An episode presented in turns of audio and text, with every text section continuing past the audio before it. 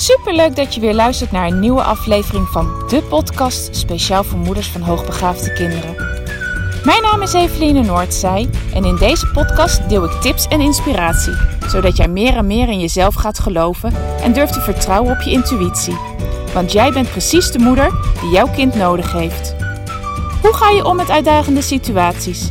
Wat heeft jouw kind van jou nodig? En hoe zorg je voor verandering in je gezinssituatie door jouw eigen persoonlijke groei? Ik heb er veel zin in om dit allemaal met jou te delen. Dus laten we voor vandaag maar gaan beginnen.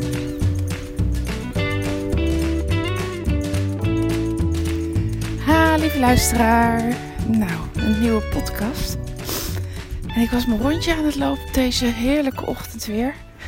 En ik dacht, oh, waar, waar nou, dit klinkt echt alsof ik het verschrikkelijk vind. Het is helemaal niet waar. Maar waar moet ik het deze keer over hebben?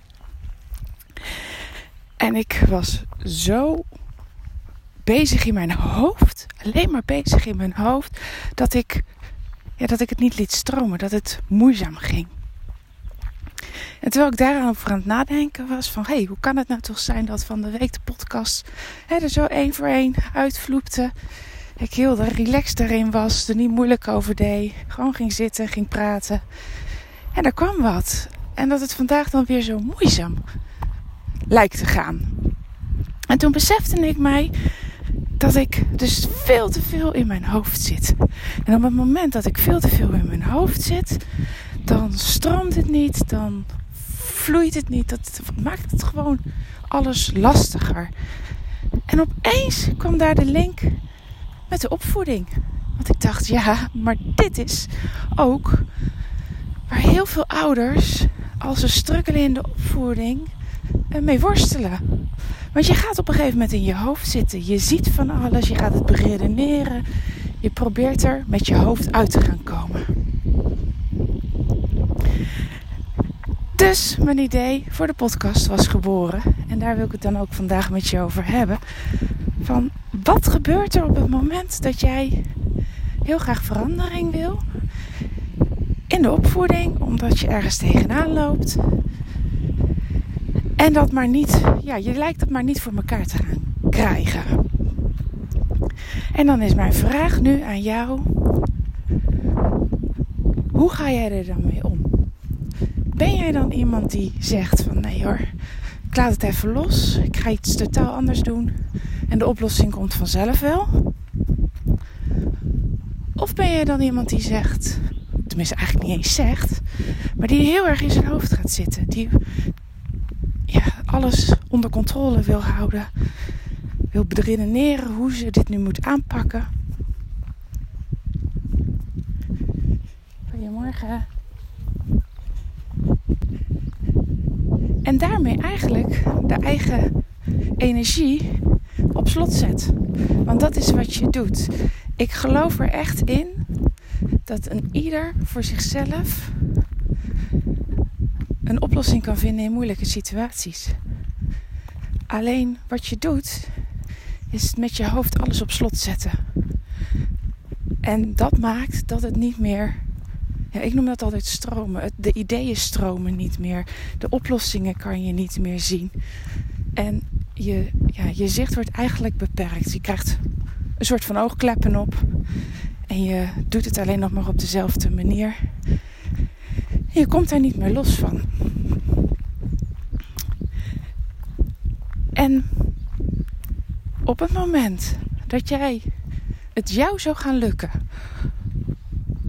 om die situaties te signaleren. Want daar begint het altijd mee. Je moet eerst signaleren wat je aan het doen bent.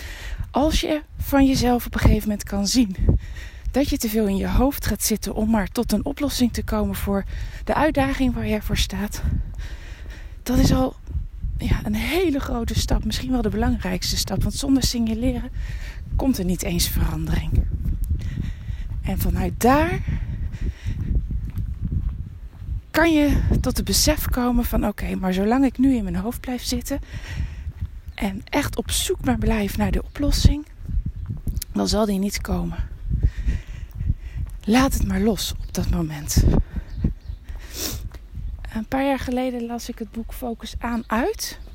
Volgens mij van Mark Tichelaar, als ik het nog uit mijn hoofd weet. Heel interessant boek. En hij beschrijft onder andere wat er gebeurt op het moment dat jij bijvoorbeeld je sleutels kwijt bent en kortzachte gaat zoeken naar die sleutels. Je geeft je hersenen niet de ruimte om rustig te kunnen nadenken. Eigenlijk kom je in de stressstand terecht. Nou, en de stressstand maakt gewoon dat jouw hoofd niet meer de ruimte heeft om te gaan zoeken. En dat klinkt natuurlijk een beetje raar zoals ik het nu uitleg, maar jouw hoofd heeft ruimte nodig zodat het weer plaats krijgt om ergens over na te gaan denken. En hij schreef ook van op het moment dat jij dus je sleutel kwijt bent en je bent er even niet mee bezig en jouw hoofd krijgt die rust, dan heb je een hele grote kans dat je opeens een ingeving krijgt waar je zou moeten gaan zoeken. En dat is ook precies wat ik bedoel in de opvoeding. Wanneer jij voor een uitdaging staat, laat het even los. Laat jouw hersenen de tijd krijgen om het te laten bezinken en tot een oplossing te komen.